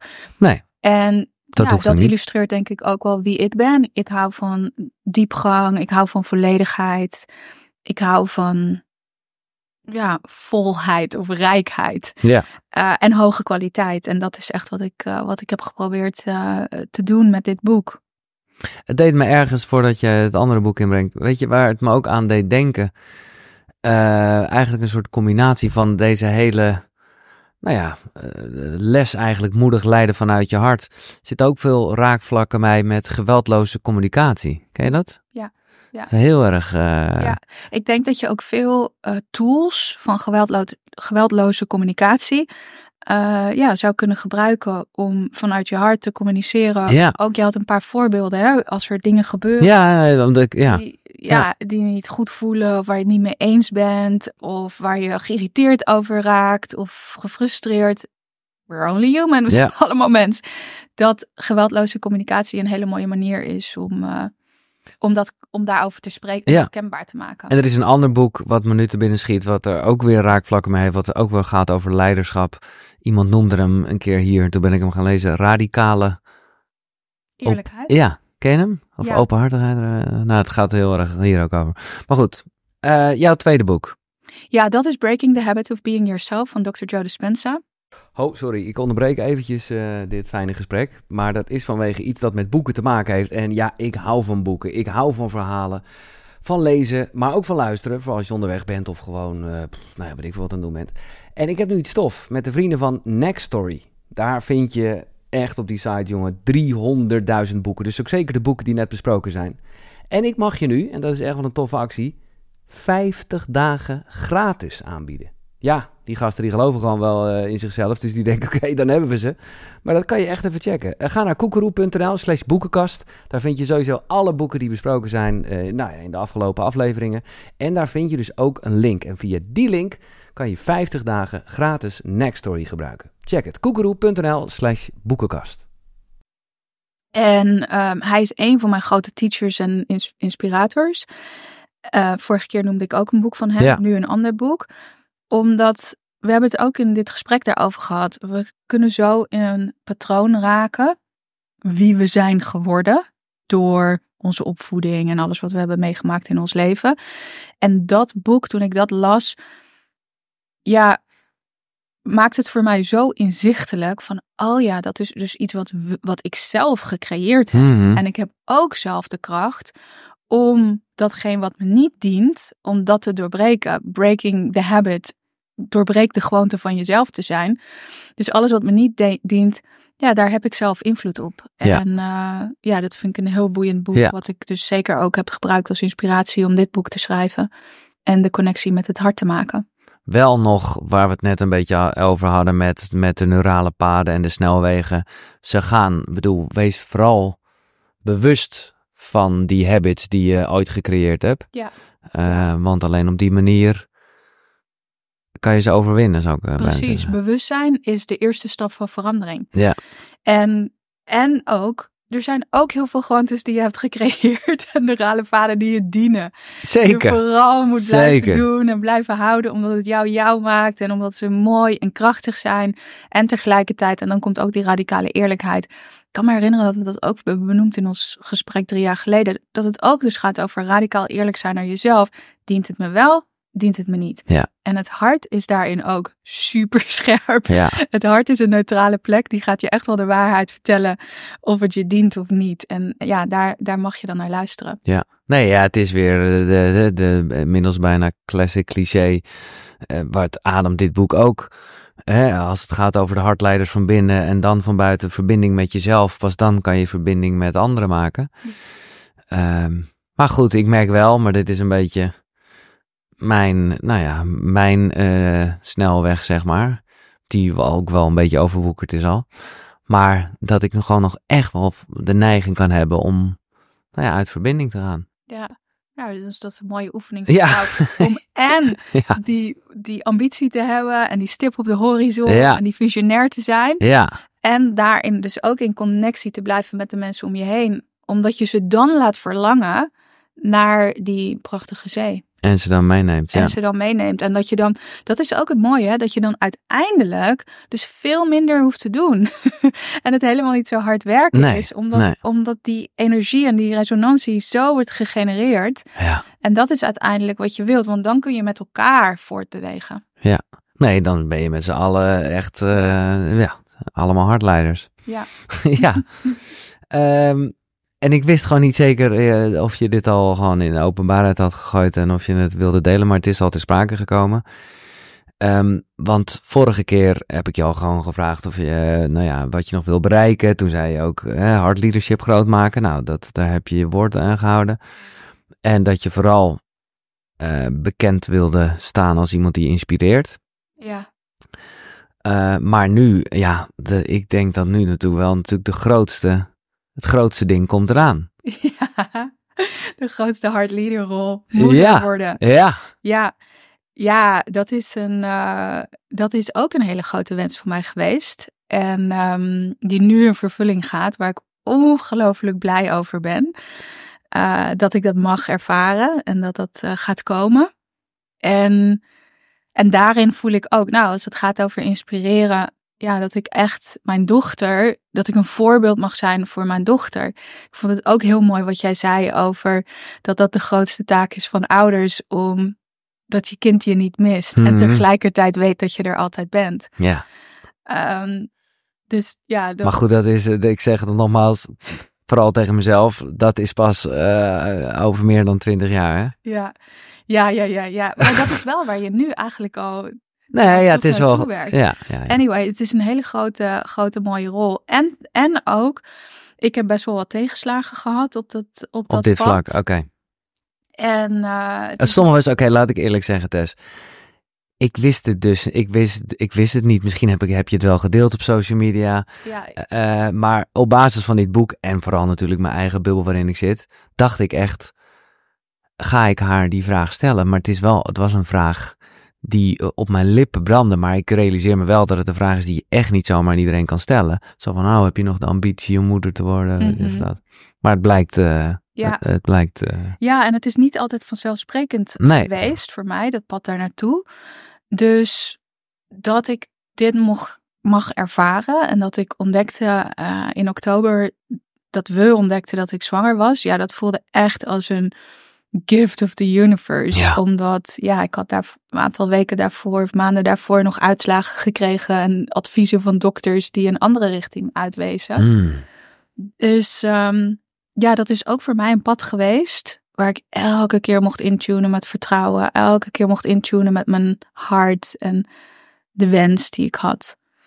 Ehm, dus ik ben waanzinnig blij dat, uh, dat, dat, dat dat nu zo is. Ja. En ja, het pad wat er voor me ligt, uh, om die moederrol te vervullen. Ja. En dat ga je dus ook, ben ik, uh, dat, zij gaat dus opgroeien in Mallorca. Ja. En Spaans leren, wat spreken ze daar? Ja, Spaans ja, ja. ja. Mallorca is, uh, ja, is, is Mallorcaans. naast. Ja. Ja. ja, er is ook Mallorquin. Oh, echt? Oh, echt? Want uh, Mallorca is net als Ibiza onderdeel van Catalonië. Ja. Dus ze spreken daar Catalaans. Ja. En dan is het nog weer een dialect van Catalaans. En dat is Mallorquin. Um, ja, zij zal het grootste gedeelte daarop groeien. En mijn vriend Hein, hij spreekt ook Nederlands. Dus we spreken samen Nederlands. Op school gaat ze dan Spa of op de opvang Spaans. En dan gaat ze uiteindelijk naar de internationale school. En, en dan is Engels de eerste taal. Dus ze zal drie talen spreken. En uh, ze heeft ook uh, al broertjes en zusjes van Hein uit een andere uh, relatie. En die spreken ook vooral Spaans en Engels. Mm, dus we hebben een mooi. internationale ja, dat is, family. Dat is top. Nou ja, Ja. dat is ook... En in de winter mee naar Dubai. Dus ja, het is een. uh, ze zal um, heel internationaal opgroeien. Ja, En over neurale paden overigens gesproken, kindjes, jonge kindjes, baby's, ja, wanneer die al heel vroeg in hun leven verschillende talen leren, ja. dan worden die neurale netwerken al weet het. geactiveerd. Ik heb er echt over gelezen en ook echt gedacht en ook met Floor over gehad van oké, we gaan het doen. Nou ja, uh, ja, maar ja, het is in on, wij zouden ineens Engels moeten gaan praten terwijl we dat, Ja, uh, ja, geen enkele ja. aanleiding toe is. Maar het is, het is fantastisch. ja. Ja, je hebt helemaal gelijk. Leuk. Nou, dan wil ik nog één ding zeggen, uh, want dat vond ik een hele mooie. Ook voor mezelf nogmaals als rol, als baasje, en dat is voornamelijk het radiostation. Um, dat jij een, een mooie manier hebt gevonden, ik weet niet of die voor jou is, um, maar om het weerbericht ervan te maken. Ja. Dus dan, dus dan neem je even afstand. Dit is ook weer een beetje waarom ik moest denken aan geweldloze communicatie. Dat je even benoemt, oké, okay, het wordt even mistig. Ja. Uh, er is even een beetje storm, jongens. Dat Ja. je even uitzoomt. Ja. En even benoemd wat gaande is. Dus zie jezelf zitten aan een meetingtafel of een vergadertafel en druk in discussie. En op een gegeven moment ja, kan het mistig worden. Dat, Ja. dat, dat de Ja. essentie van het gesprek verdwijnt. Of het wordt stormachtig. Om dat te benoemen. Inderdaad door uit te zoomen. En wat je daarmee ook doet, is alle mensen aan tafel verantwoordelijk maken voor het proces wat gaande is. Dus mensen realiseren zich dat, oh ja, oké, en wat is er dan nu van mij nodig om, uh, om het weer helderheid te creëren? Nou ja, en met dat in uh, gedachten, met die vergelijking, denk ik dat, uh, nou ja, juni zal het dus ongeveer zijn. Ja, eind juni. Dat, uh, nou ja, het weerbericht ziet er zonnig uit. ja, dat ziet er super zonnig uit. En gelukkig net voor een hele hete zomer. Ja, ja, ja. Ja. Uh, dankjewel Tess voor wat je doet, voor wat je mij nu gegeven hebt en hopelijk ook heel veel andere mensen geïnspireerd heeft. Moedig lijden voor de mensen die echt alleen luisteren met EI, hè, maar dat lijkt me duidelijk uh, na dit gesprek. Uh, vanuit je hart. Dankjewel. Vanuit Dankjewel. mijn hart. Dit was Koekeroe. tot de volgende. Zonnegroet. Hoi.